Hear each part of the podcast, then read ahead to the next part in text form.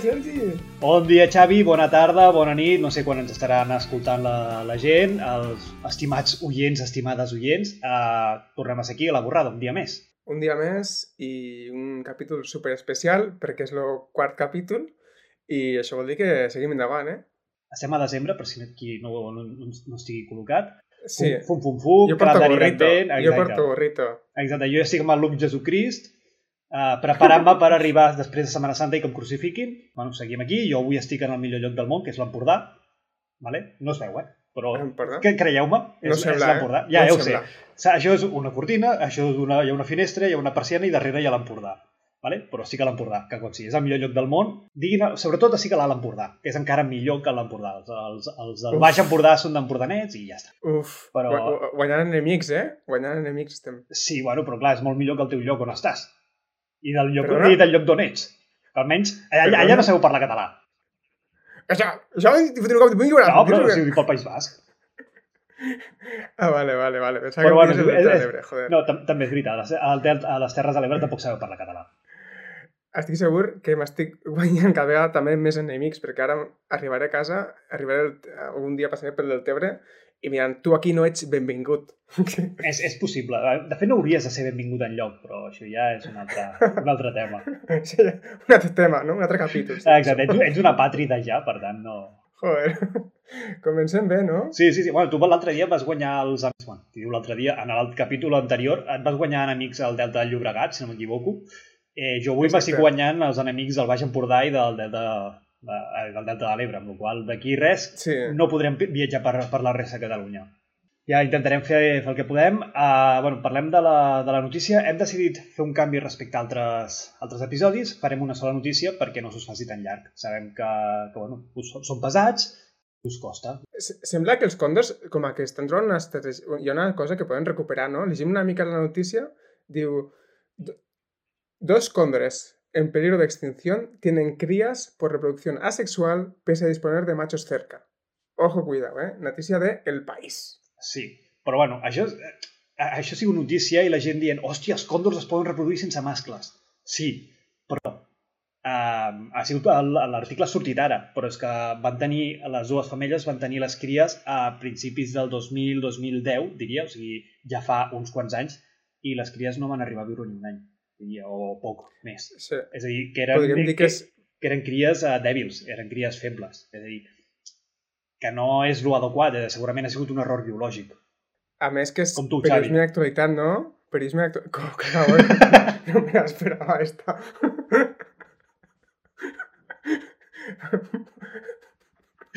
Podríem dir... Merda.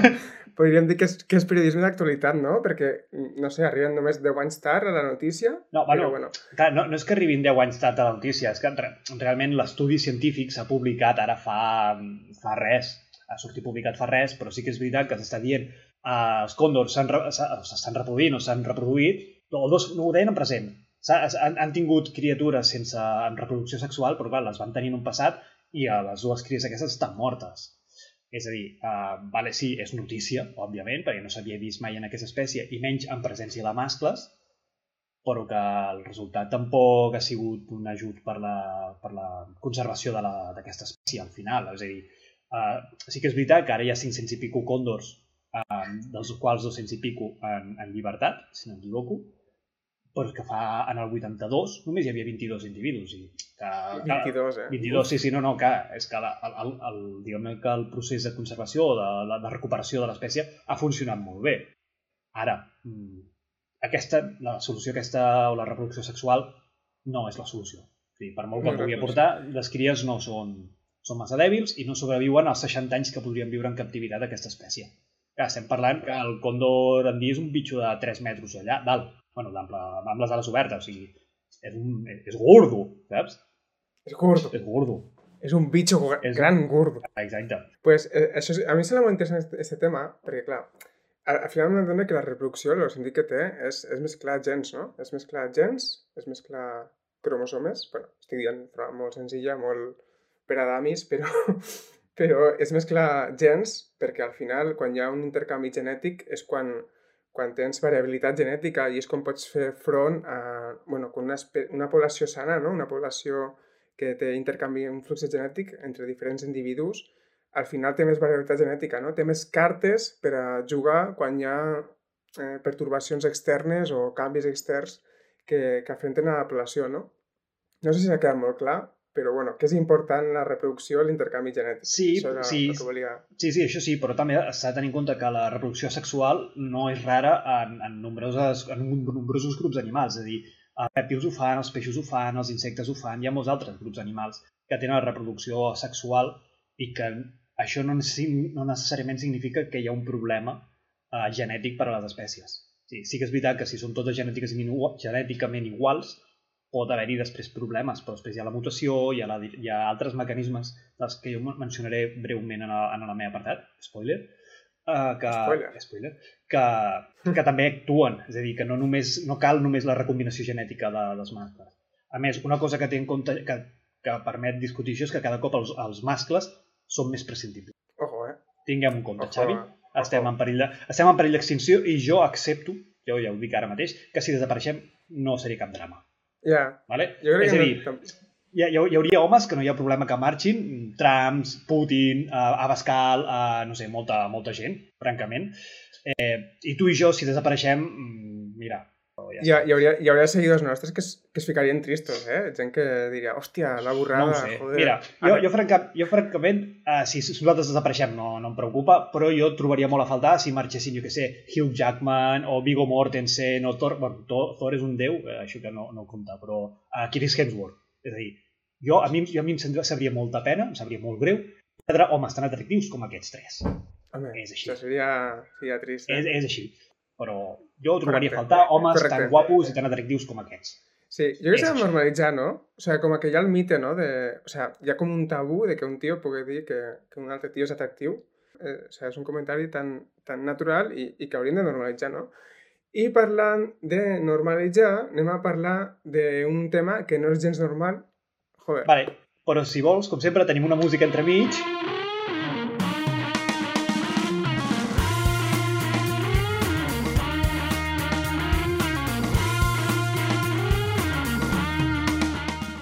Ecologia evolutiva. I diràs, Sergi, què és l'ecologia evolutiva?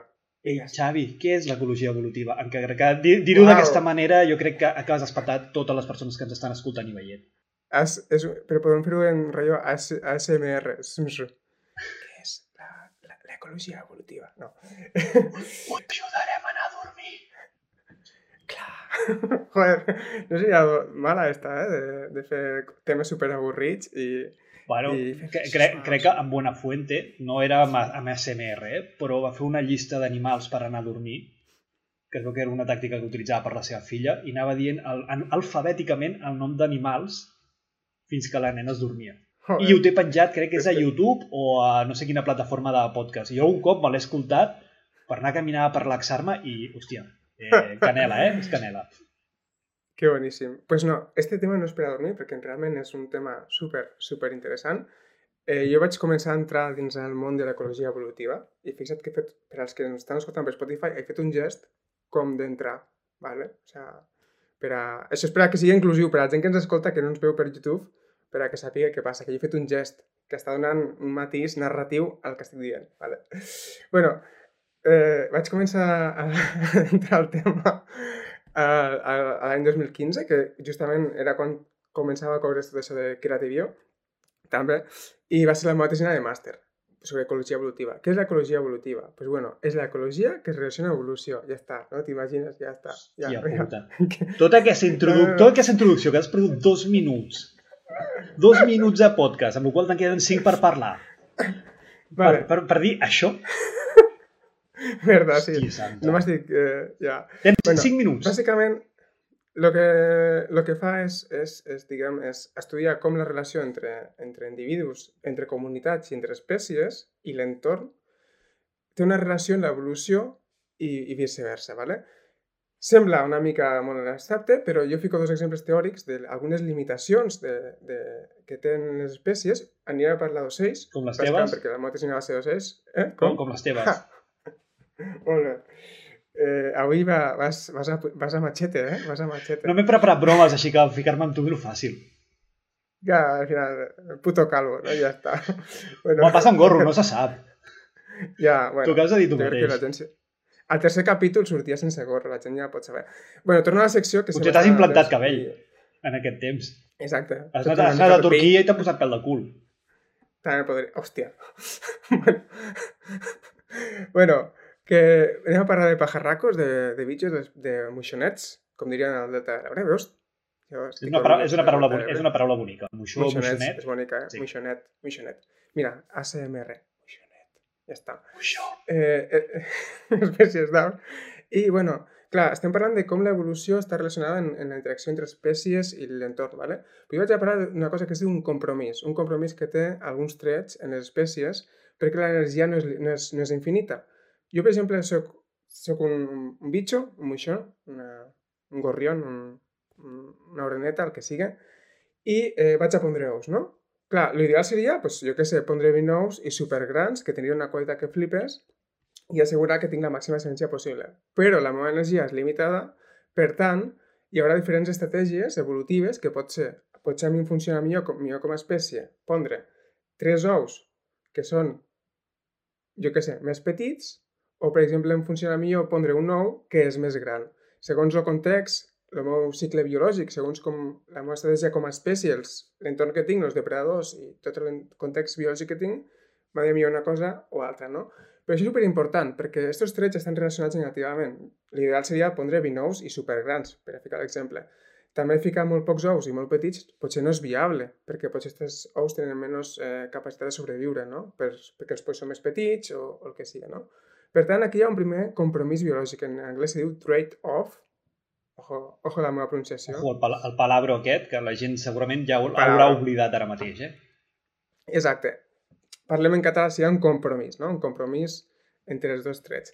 Compromís és que per Catalunya. No, no, no era compromís- un partit polític? Compromís per Catalunya o algú per... Compromís per cat... Hòstia, pues Oh. podria ser...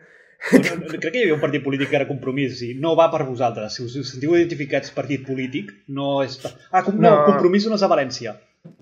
Els vostres veïns, Bé. els vostres veïns. Exacte, sí. Lo, sí, Això. mira, a més jo sent de les Terres de l'Ebre, quasi, quasi estic allà. Quasi ets valencià, tu, de fet. Mira, i les paelles me surten molt bé, eh? Oh, cuidado. Com amb el que t'agrada tu el marisc. Eh, faig paelles veguis, però bueno. Eh, bueno, eh, això. Vaig explicar el segon compromís per a que entenguéssiu una mica com funciona l'ecologia evolutiva i em sembla molt interessant. I és un compromís entre... I ara imagina't, ja no parlem de si faig més ous més grans o més petits o faig segons molts ous o, po o pocs ous, no? Sinó que parlem entre el compromís que hi ha entre dedicar-me molt a la reproducció i sobreviure. Per què? Perquè jo imagino Està, està clar, que sobreviu. a- No interessa tenir criatures. Sí. Estem sobrepobla... Hi ha sobrepoblació humana, si us plau. Deixem de tenir criatures. Exacte. Stop, stop Exacte, now. co- cons- consell. Contamina Sí, més tenir sí. una criatura que comprar un Hammer. És veritat. Uau. Ojo, cuidao, eh? Ojo, cuidao. És, és bastant...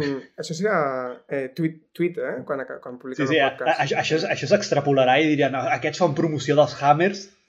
Sí, segur que hi ha el típic que diu no, però és que ara m'està dient que em compri un Hammer... Eh, un follow, un follow, saps? Estava Eh, picant... eh, eh, Exacte, algun ofendidito ecologista dirà oh, aquests no, no parlen de protecció del medi ambient. Que et fotin. Eh, eh, ja sabies de què l'heu Ah, exacte. Deixa d'escoltar si no t'agrada, tio. Correcte. És gratis, Que- joder. que et petin. Hòstia, ja. Que et peten, hòstia. bueno, l'altre compromís, i ja acabo la secció, que està sent molt més divertida del que pensaves, a que sí? O sigui, és... és el compromís que hi ha entre el que dic. Què passa? Hi, hi ha espècies que els funciona molt millor pues, pondre molts ous, no? I, i dedicar molt de temps a la reproducció. O inclús, com a au, com una espècie d'ocell, puc, puc fer diverses postes a l'any. Això implica moltíssima energia i molt desgast. Un desgast que pot tenir problemes immunològics, un desgast d'energia, puc tenir una condició física pitjor i, a més, estic més a l'aguait dels depredadors. O sigui, eh, perdó, puc, puc ser més fàcilment detectat pels depredadors perquè estic més, temps exposat, no? Per tant, hi ha una relació negativa. No està marcada per l'energia en, en si, sinó per altres components del, del, del nínxol ecològic. Però què passa? Si jo faig moltes postes a l'any, tinc una condició física inferior i eh, estic més exposat als depredadors, sobreviuré menys, no? Per tant, hi ha una relació negativa entre sobreviure com a adult i pondre ous. I això és el que marca molt l'ecologia d'algunes espècies. Hi ha una estratègia que pot ser hòstia, invertís més, fes més esforç en sobreviure i ja tindràs algunes cries, però tu sobreviu i viu molts anys i altre eh, cicle, estratègia vital, diguem, que és, bueno, jo sobreviuré poc, però ficaré molts ous i em reproduiré molt perquè algo saldrà d'ahir. Sí. I això seria un altre compromís. Eh, Això seria una mica les estratègies de la R i la K. Exacte, exacte, Eh? exacte. Sí, sí. Que això inclús, jo, en, en, ja, que- ja que tu has fet la xapa del teu treball de màster, en el meu treball de màster, també vaig tocar aquest tema i el que feia era tallar osso, ossos de llebre. Jo em vaig passar durant uns mesos treballant amb, amb els fèmurs de les llebres mortes i traient les, la, la, la mica de carn que tenien, tallant-los, era superdivertit i superescabrós. Però es veia en el creixement dels ossos servia per veure com creixia i quan parava, quan arribava la reproducció, reproducció sexual a l'individu i això es volia implementar, es, es volia aplicar per si es podia veure en, en mamífers fòssils i conèixer quina era l'estratègia que tenien espècies extingides per veure si a, Que a, a través dels ossos si seguien una estratègia de la R o de la K. Que curiós, Mm. que curiós. Sí, sí. Clar, no sabia això, no m'ho havies dit, eh? És, és veritat que, que el que dius, la, la, la, la relació, el compromís aquest entre, entre reproducció o supervivència es, es veu molt. És a dir, grans primats seria més supervivència, eh, molts rèptils, en aquest cas, serien segurament més, més aviat de la, de la R, estratègia que ells moren molt aviat però deixen molta descendència. O, o les rates, per Ojo, exemple. cuidado, que una, una cosa superinteressant és que no només variava entre espècies, sinó el que jo vaig estudiar va ser que podia canviar segons on estava situat dins el planeta. Mm, en latituds una, més una, una mateixa espècie. Sí, no, en latituds més inferiors, que hi ha més, més recursos alimentaris i pots sobreviure més, no invertint tant en reproducció, i la, en latituds més allunyades de l'Equador, que les condicions climàtiques són més xungues i que hi ha menys menjar i tot això, pues les espècies, la mateixa espècie tenia menys supervivència, però invertia una mica més en reproducció perquè li funcionava millor. I això era supercuriós. Mm, curiós, curiós. I amb aquesta curiositat, potser podem donar per tancat el teu, el teu tema i entrem en el meu, que seguim amb aquests dos minuts de retras, com en Xavi, que... Molt gratuïta, eh, aquesta? Uau! Bueno, això, canviem de, de secció.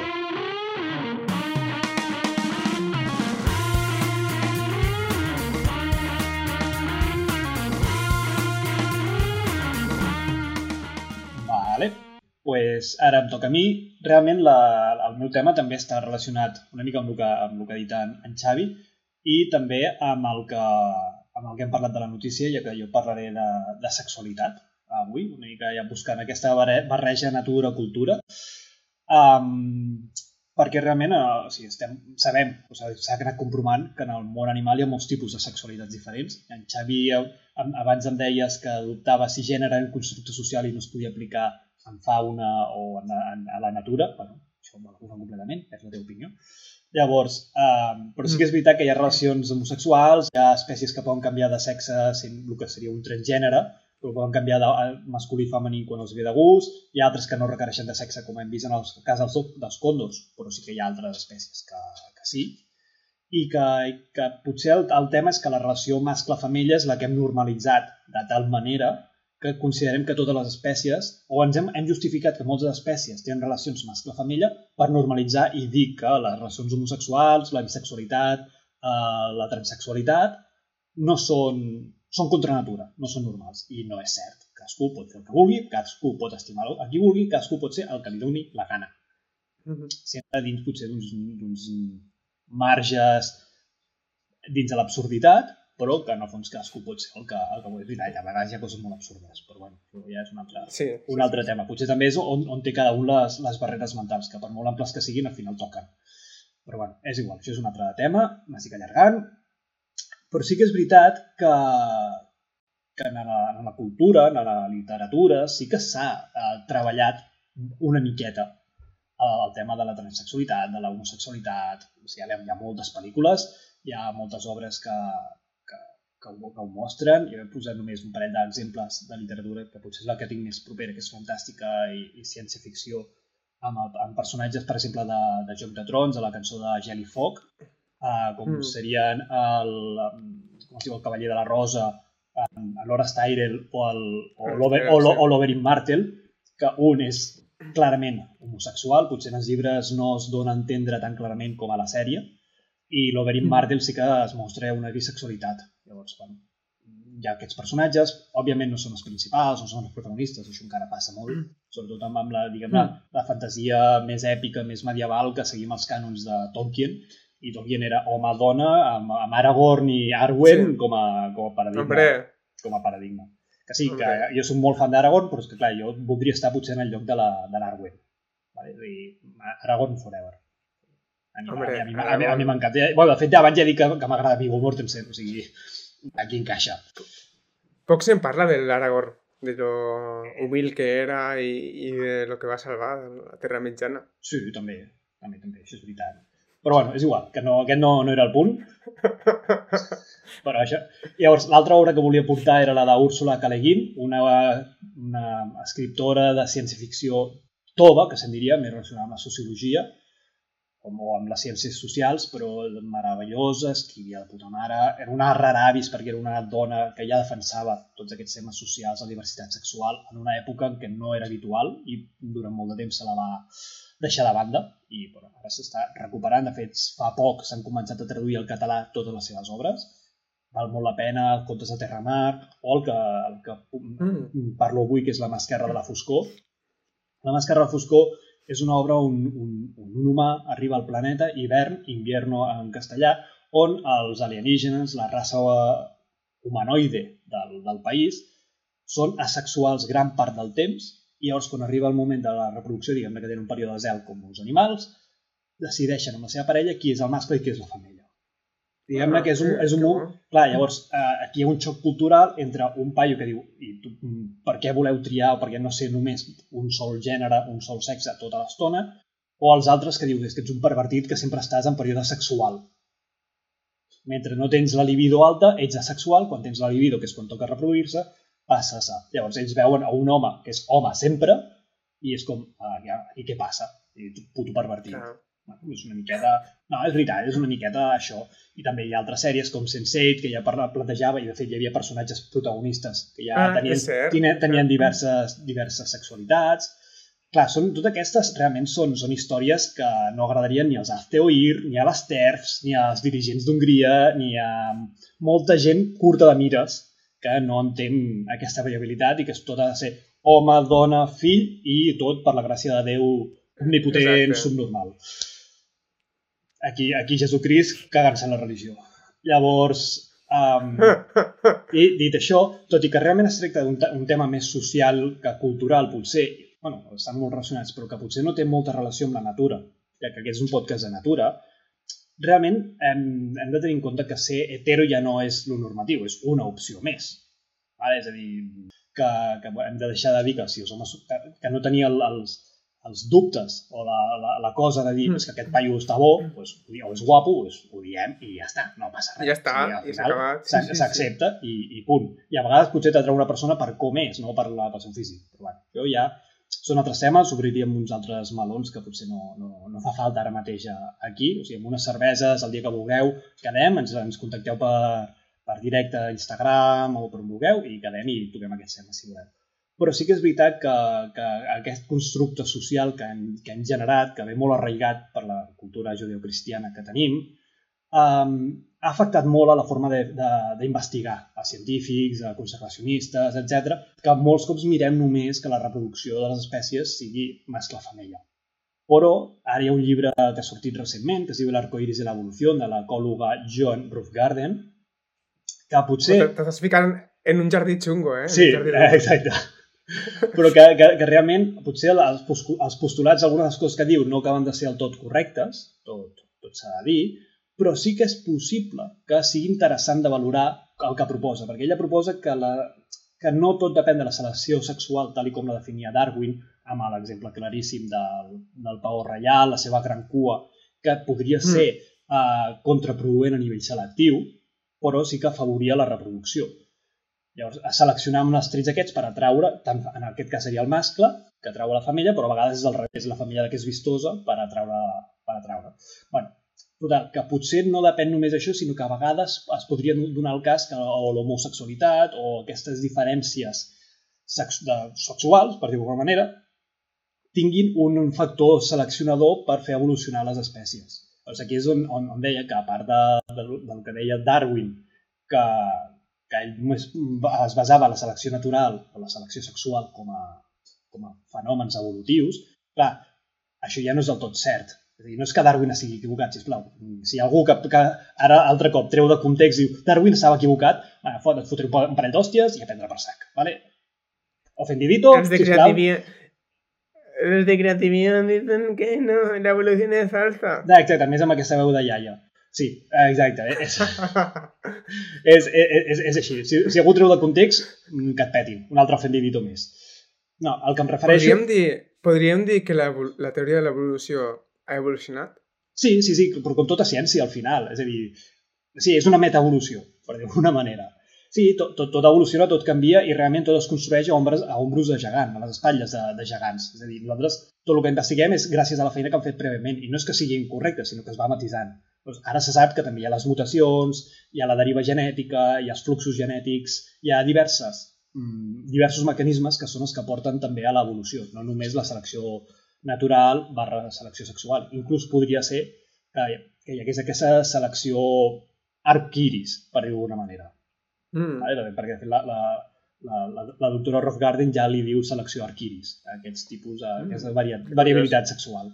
Que, bueno, que ja et dic, que potser no tots els postulats que diu són correctes perquè ha sigut bastant criticat, però que, bueno, pot ser interessant de, de tenir-ho en compte.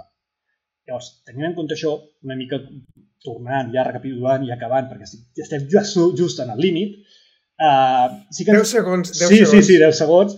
Sí que tenim algunes espècies que no, no segueixen el patró eh, heterosexual. Hi ha espècies, hi ha unes sargantanes eh, nord-americanes que s'ha vist que són fruit de la hibridació i que l'espècie resultant, que és genèticament diferent, és clonal. Només hi ha femelles i es produeixen per, sense, sense intervenció de mascle, que se'n diu la partenogènesi, que és el que havien tingut els còndors que hem comentat al principi. Però és que un altre cas més espectacular és el dels els peixos pallasso. Els peixos pallasso conviuen en grups en els esculls de corall de 4 a 5 individus, on hi ha una família dominant, un mascle dominant i mascles secundaris. Quan la família dominant desapareix, el mascle dominant es converteix en femella i el, un dels mascles secundaris es converteix en el mascle dominant. Què vol dir això? Que Buscando a Nemo hauria d'haver sigut la història d'una mare buscant el seu fill. Clar. Perquè Nemo no té mare i té pare. Llavors el pare s'hauria d'haver convertit en la mare de Nemo. Hòstia. Llavors hauria d'haver sigut una història d'una mare transsexual, per dir-ho d'alguna manera, que va buscar el seu fill perdut. Però, clar, entenc que, que Disney no volia un personatge no normatiu i ja tenia un personatge no normatiu que podria ser la Dory amb una amnèsia enterafrada. Llavors ja tenien Mm. cobert el, la diversitat, la tenien coberta amb la Dory. Però que hauria d'haver sigut una història d'un personatge transsexual, un peix en aquest cas, anant a buscar el seu fill. Però, clar, la mentalitat yankee curiós. no és la que és. I amb Bé, aquesta declaració eh. de que Buscando Nemo és la història d'una mare transsexual a buscar el seu fill, hauria d'haver sigut així, jo crec que podem donar per acabat avui el, el, el podcast. Jo crec que no es, no es pot acabar de millor forma, o sea, és per donar un cop a la taula. Pumba, Pumba. Disney. Ale, Disney mal. Disney, Disney Plus, no, Disney, Disney mi, mi, Minus. Di- Disney menos. Però, però això, que segurament ara estan canviant, són més diversos, ja segurament hi ha algun personatge ja homosexual, s'està o bisexual almenys, que s'està intuït per alguna banda, no? que realment Nemo hauria d'haver tingut mare i no pare a la pel·lícula. Així que res. Pues, me sembla un coneixement superinteressant. Gràcies per la informació, Sergi. De Com res. sempre, un contingut de qualitat. Sí, esperem que hagi sigut entretingut, esperem que hagi sigut mínimament divertit, esperem que, no sé si avui creieu que ha guanyat en Xavi o he guanyat jo, si plau a xarxes digueu, Team Xavi, Team Sergi. Sí, per aviat això. prepararem uns materials per, aviam, per fer piques amb aquesta, amb aquesta Mm. relació, aviam qui, qui ho fa millor. De moment ningú ens esteu dient res a les xarxes, gràcies. Llavors, home, perquè tots som igual de bons de moment. o som igual de dolents. També, també podria ser. Acceptem-ho, Xavi, que pot donar-se la, la situació. Llavors, res, com sempre us demanem, seguiu-nos a, les nostres, a les nostres xarxes, que si no vaig errat, queden en aquesta banda, si no m'equivoco. Eh, quedarien, crec que just, just a sobre teu, Xavi, per això et dic a la meva esquerra haurien de quedar. Sí, exacte, hauria de ser aquí. I a sota sí que hi ha el botó que diu subscriu-vos. No cliqueu en aquest botó que apareix en el vídeo, sinó el que hi ha més avall a YouTube. Subscriviu-vos, sisplau. Sí. Seguiu-nos això a les xarxes, compartiu-nos amb molt de carinyo o amb molt d'odi, és igual, nosaltres us ho agrairem igualment si ens compartiu. i uh, ja anem 3 minuts passats, però, bueno, Xavi, uh, un plaer tornar-te a tenir aquí, com, com Ha sempre. sigut fantàstic. Uh, direm, no sé, ja tornarem a gravar el proper capítol quan puguem. Aquest, uh, això, crec que quan el, el publiquem aquest encara serà desembre. És a dir, bon Nadal a tothom i feliç Bon cap, Nadal. perquè crec que serem entre Nadal i Cap d'Any, així que espero que hagueu tingut unes bones festes de Nadal, hagueu estat amb la família i que tingueu una bona entrada d'any. Si és al principis de gener, doncs, bona entrada d'any i bones festes, ja prendrà per sac.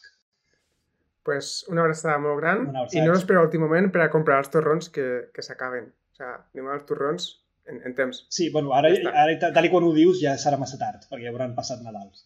Però... Merda. Igual que els regals, mm, si els compreu ara, cagada. O sigui, compreu els de Reis si voleu, o no compreu res i doneu molt d'amor i ja està, que no fa falta Clar. sempre comprar molt, perquè si no gastem Joder. molt i consumim molt i ens estem allargant un record més, així que res. Gràcies, mm, bones festes, bon Nadal, bon tot el que sigui, gràcies per estar aquí. Xavi, altre, altre cop, gràcies. Uh, anem parlant, ens anem veient. Fins al proper episodi. Adeu. família.